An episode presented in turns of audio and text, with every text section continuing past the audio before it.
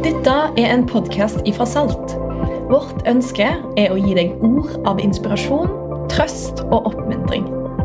I denne spesielle perioden anbefaler vi deg å følge oss på sosiale medier eller på salt.co. Der vil du kunne delta på online-gudstjenester og andre samlinger. Du er hjertelig velkommen. Veldig bra. Og Vær så god og sitt ned. Vi er fantastisk takknemlige for eh, det teamarbeidet. I dag morges traff jeg en liten gutt som akkurat er blitt født, som heter Tobias Olai. Han fikk jeg treffe i dag. Og så, eh, Han var bitte liten. Og på fredag så fikk jeg lov til å være med og si farvel til en mann som var født i 1948. Eh, Og saken er den dere, at eh, I en menighet sånn som dette så er vi alle generasjoner sammen. Det er små babyer, det er ungdommer og studenter, og så er det voksne folk og så er det eldre folk. Og Det er så fantastisk rikt å være i kirke. Og veldig Mange av oss har gledet oss veldig til å få lov til å komme tilbake inn her og synge en sang sammen og kjenne at det, det fins flere mennesker i verden enn meg. ikke det herlig? Eh, eh, og så er det litt slapt eh, noen ganger. Vi er litt sånn nervøse, og vi sier ikke amen, halleluja. Vi ler ikke, de ler ikke tungt av vitsene dine, Eivind. Nei, de, men de gjør ikke det. skjønner du? Sånn at, eh, sånn at nå bare utfordrer alle sammen, hvis dere orker. Orker dere det? At det er den tolvte greien, tolvte gangen på tre dager jeg står folk, får foran folk og snakker. Så jeg er kjempemotivert. Men dere kan hjelpe meg nå, hvis dere eh, henger med de neste minuttene. Går det bra? Så hvis du har en telefon å skrive på, ikke se på liksom Premier League eller et eller annet eh, greier. Bare vær konsentrert nå i, i, rett eh, i underkant av eh, 27 minutter. Så skal jeg levere noe til deg som kommer til å være meningsfullt, og du kan gå til å gå ut i denne uken med en klar forståelse av at det Jesus har kalt meg og deg til, det er å ta imot et nytt liv fra Han. Det å erfare et bedre liv sammen med han, og det å få lov til å være utsendinger for han for å gjøre Jesus kjent for andre mennesker. Det er det som er dagens tema, og det er i fastetiden. Det var en liten jente som gikk til moren sin og sa hvor kommer menneskene fra? Og Moren hun var med i en sånn menighet som Salt, så hun var veldig frimodig og sa Gud skapte menneskene, Adam og Eva, og de ble til flere mennesker. Og her er vi, for Gud er en skapende Gud. Dette syntes hun var så fantastisk at hun tenkte jeg vil høre det en gang til fra far min. De kom til faren og så sa hun, hvordan ble vi skapt? Nei, vi ble ikke skapt. Det var sånn at det var stort pang, pang.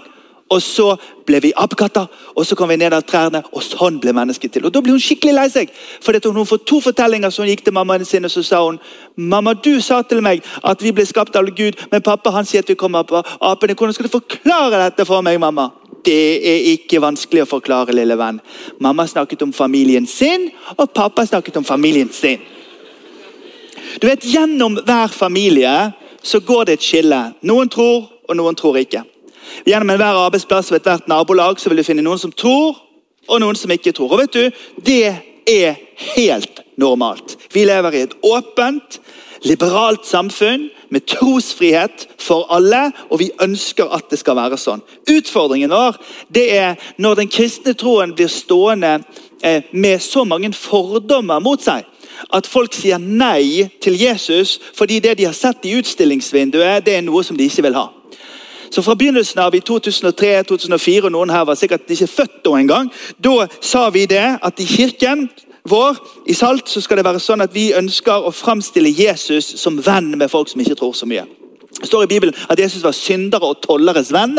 og Enkelte kirker har lagt så mye vekt på syndere at folk føler ikke noe vennskap. i det hele tatt. Men vi sa vi ønsker at det skal være lett for folk å komme innom og smake litt og lukte litt og være litt med, og undersøke om de ønsker å fortsette dette som handler om å utforske hva den kristne troen kan bety for dem. Og Gjennom 16 år, snart 17 år nå, så har vi hatt utrolig mange nye mennesker på besøk i kirken. og Vi er glad for at vi har det sånn. Vi føler at vi har fått en oppgave om å vise Jesus fram sånn som han egentlig er. Sto i en kø, skulle inn i et fly, og lille gutten som sto foran meg med mammaen sin, hun, han så det at på vingen helt bak det, det halen bak på Norwegian-flyet at det var en figur med bart. Eh, og så sier den lille gutten 'Hvem er Arild Edvardsen?' det er sikkert alle her vet hvem Arild Edvardsen er, men dette var morens svar. Han er en sånn som jobber i kirken, en evangelist, men ikke sånn vanlig kirke. Altså mer sånn pinsevenn. Og Gutten han spurte ikke videre, for han er jo oppvokst i et liberalt og åpent samfunn med religionsfrihet og ytringsfrihet for alle. Så han spurte ikke mer. Men moren sa noe som vi hører fra folk fra min alder og oppover. Vi har en klar erfaring av hva som er den vanlige måten å være kristen på, og hva som er den litt mer sånn hands up, halleluja, rare måten å være kristen på. Jeg skulle klippe meg, og så, Det var når jeg hadde eh, behov for det oftere enn nå. Eh, og De på den salongen der, de, de visste det at han der, der unge mannen, jeg var forholdsvis ung, eh, han, han, han, er prest. Så hun intervjuet meg litt, hun det der mens hun klippet. og sånn. Og jeg forklarte jo sant, det er det sykt med folk. Det er masse unge mennesker. Det er auler av unger. Det er sykt mange som kommer. Hun har jo aldri sett noe sånt før, så hun klippet mer og mer aggressivt. ikke sant? Og så til slutt så sa hun det er godt nok for meg det vanlige bedehuset. For du skjønner Greien med det vanlige det er det at det vanlige det kan være noe som jeg slipper å forholde meg til. Du vet, Hver gang NRK eller et eller annet sånt selskap skal lage et program med kristne folk på TV, så er det alltid lite folk med i den sketsjen. Og så er det alltid sånne furupanel og noe som er vevet på bordet. Og tippoldemor sitt servise og vafler. For I Norge er det opplest å vite at det er gamle folk, det angår ikke oss, det er lite folk der, og det er passé, og jeg vil ikke ha noe med det å gjøre. Men Jesus erfarte det samme når han var her. Jesus erfarte drittpakker, politisk motstand, ideologisk motstand, religiøs motstand. og En gang gikk han på en vei og så spurte han disiplene sine hvem er det folk sier. Hva er ryktet på byen om hvem jeg er? Og Da svarte Jesus det. Eh, og Da sa de til han, eh, Jesus spurte de, hvem er det folk sier at jeg er.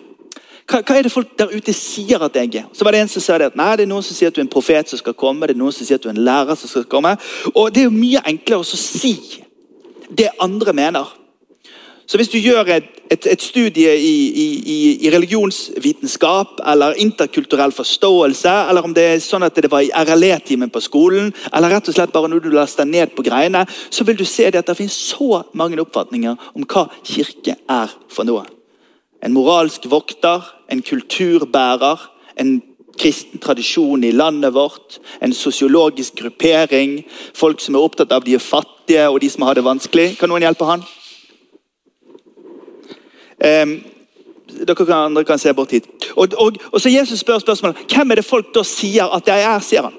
Og Det Jesus gjør, eh, det er at han utfordrer de til å sette ord på det de tror. Og Her er det det magiske skjer i samtalen mellom Jesus og hans disipler. og dette er veldig viktig at dere skjønner. I Matteus kapittel 16 så svarer Peter med disse ordene her.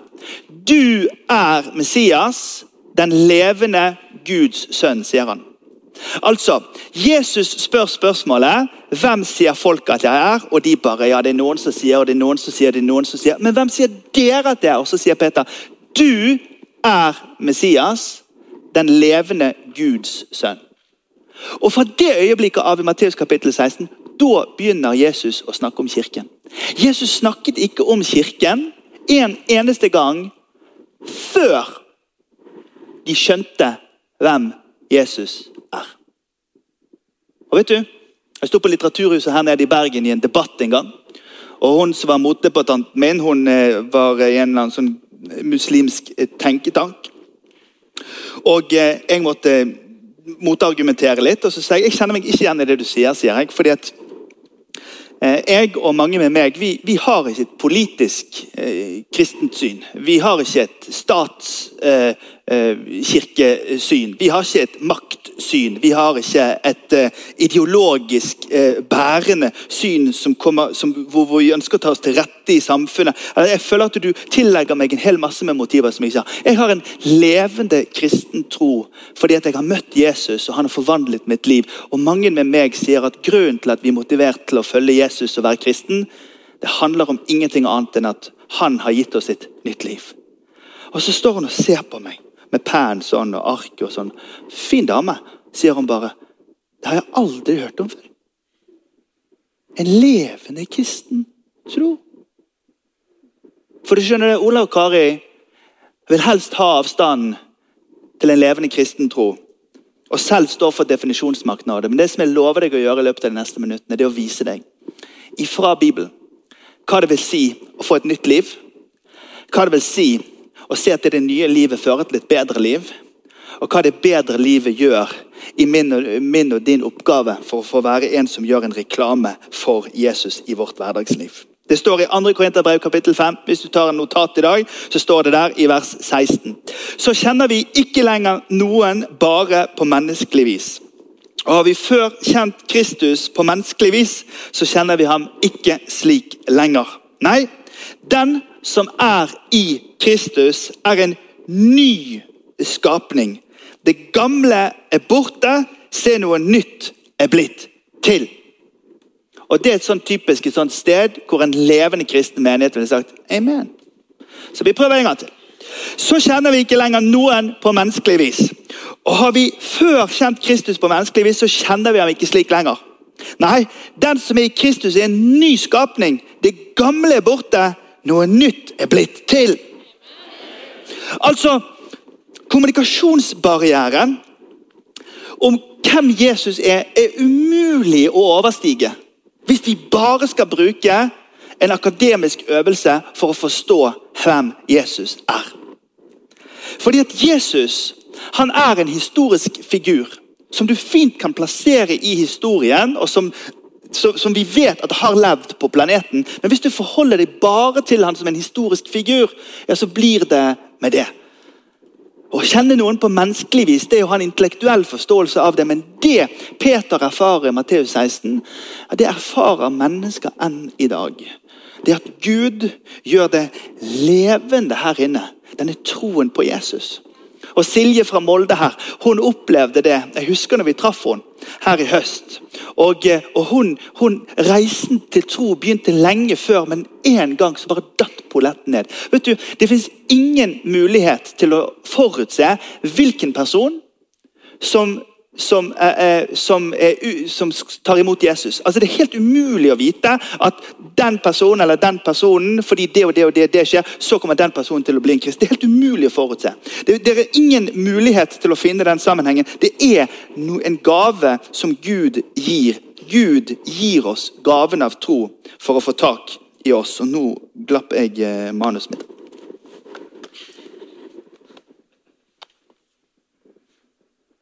Jeg er født i 1975. På den tiden så slo vi i sånne ting som dette her for å få det til å virke. Så det funket. Det funket nå. Så du Det er to måter jeg får sånne ting som dette til å virke. Jeg roper til det på det yngste barnet hjemme. For det er alltid slik at De yngste barna de kan jo mest om teknologi, eller så bare slår jeg til det. og det, Begge deler virker. Vi lever i en tid av sekularisering. dere. Ja, vi lever i en tid av religiøst mangfold. Ja, vi lever i en tid av globalisering og med inntrykk fra alle verdens hjørner og filosofiske strømninger. Ja, vi lever i et mediesamfunn hvor vi kan trykke oss fram til alle mulige slags svar. Og det er klart at alle som i dag er opplyst, tenker hvordan kan man i den kristne kirken mene at Jesus er det eneste rette svaret? Uansett hvilken livsanskuelse eller verdensbilde vi har som mennesker, så er den måten vi ser verden på, et resultat av all informasjonen vi har tatt til oss fram til det tidspunktet hvor vi etablerer 'det er sånn jeg tror'. Det sier Paulus i Romerbrevet kapittel 10. Da sier han så kommer det troen av budskapet som en hører. Og Årsak og virkning det er en kjent fra vitenskapen. Skal du bevise noe, så må du vise årsaken, og så må du se på virkningen etterpå. Og Årsaken av islamsk forkynnelse det er at man blir muslim. Av hinduisme man blir hinduist. Ved ateisme at man blir ateist. Det er helt logisk at det man hører på, det er det som blir ens internaliserte tro. Stemmer ikke det? Det er vi enige om, ikke sant? For slik er det. Men Paulus han er en teolog også, så han slutter ikke med det. Så han sier så kommer da troen av det budskapet en hører. Og budskapet, det kommer av Kristi ord. Om en tro på Jesus skal gripes, så må troen høres. Og skal troen høres, så må vi velge å utsette oss for den forkynnelsen og den informasjonen som gir oss den troen. Og vet du, den kristne troen den trenger å ta med seg spørsmålet fra den lille jenten som spurte. Hvordan ble vi mennesker til? For det greien er den at Når vi mennesker ble til, så ønsket Gud at vi skulle velge det gode. Men vi valgte det onde. Og fordi vi valgte det onde, så kom døden inn i verden. Og så skriver Paulus til korinterne. Fordi døden kom med ett menneske, er også dødens oppstandelse kommet med ett menneske. For slik som alle dør pga. Adam, så skal alle få et liv med Kristus. Vi er skapt til liv, men vi valgte død. Og greien er den at Evangeliet om Jesus Kristus det er så enkelt som dette. At vi tror at Gud sendte sønnen sin inn i vår verden for å gi oss opsjonen om å velge livets vei. I Romerbrevet kapittel 10 så fortsetter vi. Dette er troens ord, det som vi forkynner. For hvis du med din munn bekjenner at Jesus er Herre, og i ditt hjerte tror at Gud har oppreist Han ifra de døde, da skal du bli frelst. For med hjertet så blir en rettferdig, men med munnen bekjenner man til frelse. Og hør Ja, det er en tro. Det er en tro. Ja, Gud er usynlig. Men beviset for den usynlige troen den synliggjøres i hva troen skaper i mitt og ditt liv. Fordi Jesus, når han får tent det nye livet på innsiden av våre liv, når han vekker oss opp til å se at det fins en større mening enn den vi skaper selv. Det fins en tilgivelse som kan sette oss opp igjen på føttene våre. Det fins en kur mot avhengighet. Det fins en, et budskap som kan, som kan løfte det mest knekte selvbildet. Det fins en eh, forsoning som kan sørge for at eh, isfjell av, av konflikt kan smelte. Det er det nye livet. Og det skjer hver dag i vår verden. Vi har dåp hvert møte hele denne dagen. Vanligvis på en søndag her på, i, utenom koronatiden så opplever vi at veldig masse mennesker tar imot Jesus, og vi tror at han gjør det fortsatt i dag. Men skal du og jeg forankres i det nye livet, så trenger vi å innimellom Netflix-episodene og fagbøkene på skolen sørge for at vi også tar til oss av det ordet som fundamenterer oss i vår tro. En teolog sier det på denne måten. Vi forteller ikke historien om vår frelse for å sitere gamle bibeltekster. Nei, vi gjenforteller historien så at den slår dypere røtter i oss. Vi gjenforteller historien så at vi blir historien. Og at kirkeårets sesonger blir et verb i vårt liv. Vi gjenforteller historien så at vi alltid er i advent. At vi er klare for at Jesus skal komme til oss. Vi gjenforteller historien så at vi alltid er i juletiden. vil bli påminnet om at Jesus han trenger å fødes i oss. Vi gjenforteller historien så at vi alltid er der i Herrens åpenbaringsdag. Så at vi er klar over at Jesus han viser seg selv fram i vårt nabolag og i vår verden gjennom våre liv. Vi gjenforteller historien så at vi alltid er i fasten. Forstår at Jesus døde for oss, døde for vår synd. Vi gjenforteller historien om påsken. Så at vi alltid er levende fordi han døde og sto opp igjen og lever for oss. Og Vi er alltid i pinsen fordi det vi forteller historien om at vi blir levendegjort ved Den hellige ånd. Det kan høres så freidig ut å si det, men jeg står oppreist i ryggen når jeg sier det. På ryggen av de folkene som gjennom 2000 år har formidlet dette budskapet. Det fins noe som heter en levende tro på Jesus. Og det forvandler et liv. Og det gjør livet bedre. Hvis vi har en sånn liste over eh, ulike ting som gjør et liv godt, så er ikke livet sammen med Jesus en av de tingene som vi krysser av i Norge i dag. Mange her er kjent med Abraham Marshlow sitt eh, behovshierarki. Og Behovshierarki er en pyramide, og nederst i den pyramiden så er eh, grunnleggende behov som mat, husly og sikkerhet. Og fattige land, eh, der er det på det nederste nivået mesteparten av pengene blir brukt. Og Går du 50-60 år tilbake i tid i Norge, så vil du finne at veldig mange av husstandene i Norge brukte brorparten av pengene sine nettopp på husly, mat og sikkerhet. Men i dag, 50-60 år senere, så bruker vi mesteparten av pengene våre på det øverste nivået i Abraham Maslow sitt behovshierarki. De tingene som handler om å foredle oss selv. Livskvalitet. Hvis du spør her i Norge i dag hva er det gode liv, så vil du høre om fritid, frihet, opplevelsen av å ha god økonomi, utdannelse, helse, tid med egen familie, individuelt liv og opplevelser. Det gode liv i sekulariseringens tid, det er som sekularisering betyr mer verden. Og Saken er den at vi kan gå på tur. vet du, husker man med en av guttene på fotballkamp ute i Fyllingsdalen. og Klokken var ti på elleve, og kirkeklokkene ringte. og Jeg så rundt på foreldrene der på fotballbanen. Det var ikke én forelder som la merke til at det var en lyd fra de klokkene der. For det er de der klokkene de ringer. vet du. De der røde dagene i denne der kalenderen vet du, de minner oss om at det finnes en verden utenom det vi ser.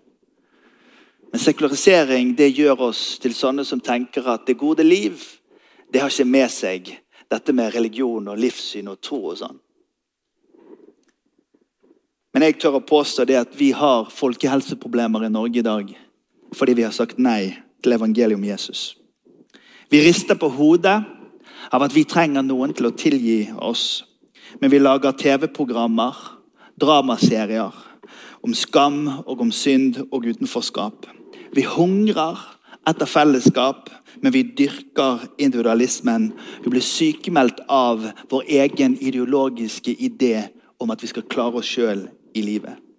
Å være en kristen det er å innrømme det at jeg er ikke her for å klare det sjøl, men jeg er her fordi Gud har klart det for meg. Det står i teksten vår i dag, men alt er av Gud. Han som er Kristus forsonte oss med seg selv. For du vet det som skjer med Hanne Krogh eller Asle Toje, begge to uttalte ateister, det er det at på et visst tidspunkt i livet så bare er det ikke krefter med til å klare sjøl. Og så bare tenner Gud et lys i hjertet. Og vet du, Vi kan nesten ikke forklare hva som skjedde før, eller hva som skjer etter. Men akkurat i det øyeblikket når Gud føder oss på ny og gir oss inngangsporten til et bedre liv, ja, da begynner det en fantastisk reise. Og jeg er sikker på at vi skal se mer av det i tiden som kommer. Den kristne troens kjerne det er at Gud er en Gud som gir oss gaven av tro. Akkurat som en magnet som møter metall og drar det til seg selv, så gir Gud oss en troens gave for at vi skal tro ham. Og Jeg er så trøtt av denne generasjon prestasjonsstemmen som sier det at vi er så slitne av å være kristne, for det er nok en ting å prestere. Det er en pervertering av hva kristen tro er for noe. Tro er ingen prestasjon. Tro er en gave Gud gir for å trekke deg nærmere til seg selv. Og Jeg er overbevist om at Kirken kommer til å ha sitt comeback også post corona og i en sekulær tid som vår. Fordi at Jesus han er nøkkelen til frihet for alle de som er fengslet. Han er legen for alle de som er syke. Han er den som kler opp de som er nakne.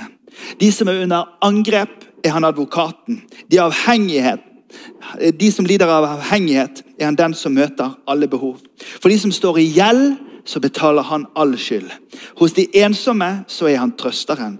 Hos de hjemløse så er han hjørnesteinen i en herskapsbolig. For de deprimerte så er han rettferdighetens sol.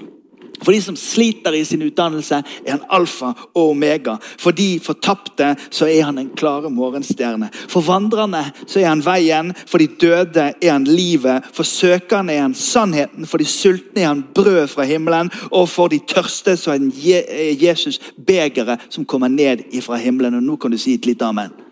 Jesus er alt dette. Men det er jo så naivt, Øystein Gjermel. Står du der og sier dette? Og Har du gått på seks år på skole og tatt gresk og hebraisk for å si det der? Ja. Neste søndag Neste søndag så kommer vi fortsatt til å synge at navnet Jesus blekner aldri. Neste søndag kommer vi fortsatt til å synge at navnet Jesus blekner aldri. Og så kommer sykepleieren, og rørleggeren og ingeniøren og doktoranden til å komme til gudstjenesten i sin tvil, i sin forvirring, i sin tro, på sin verste og beste dag. Og så synge det, for dette er det i Han at vår tro hviler. Ja, men det er jo så naivt! Ja, men vi kommer fortsatt til å løfte fram for Gud det bønneemnet som du har. Når vi spør ute i rommet, er det noen som har noe å be til Gud om. Jeg bodde i et nabolag tidligere, der var det en mann som sto langt borte fra kristen tro. Men da han gikk gjennom sin verste periode i sitt liv, så var det en periode der på noen uker hvor jeg så han satt bakerst i salen. Hver gudstjeneste. Jeg vet ikke hvordan det er med Gud i dag, men det var ett sted han søkte i den perioden. det var som verst. Når han ble spurt av noen av disse her folkene i kirken vår hvorfor er du her sånn, nei, jeg liker, jeg liker Øystein godt. For vi kommer fortsatt til å be for deg. Ja, men det er så naivt. Vi er jo så opplyst nå. Framskrittene har jo kommet til oss. Vi har en levende tro. Vi tror at påsken var ikke avslutningen. Det var begynnelsen. Og vi tror at det å ha et nytt liv fører til et bedre liv. Og så ga han oss forsoningens tjeneste. For det var Gud som i Kristus forsonte verden med seg selv, slik at han ikke tilregner dem deres misgjerninger. Og Han betrodde budskapet om forsoningen til oss. Så er vi da utsendinger eller ambassadører for Kristus. Og det er Gud selv som snakker til folk gjennom oss. Tenk å få lov til å være med på noe så meningsfullt som å få lov til å bidra til å oppklare en av de største kommunikasjonsutfordringene vi har i Norge. Nemlig det at kirken er bare for de gamle. Det er bare for de som liker vafler til alle døgnets tider. Det er bare for de som vever og ikke klarer seg sjøl i livet. Men bare stå midt i sin hverdag og vite vet du hva jeg på utsiden av kirkebakken er en representant for Jesus. Jeg har en fetter som jobber som ambassadør.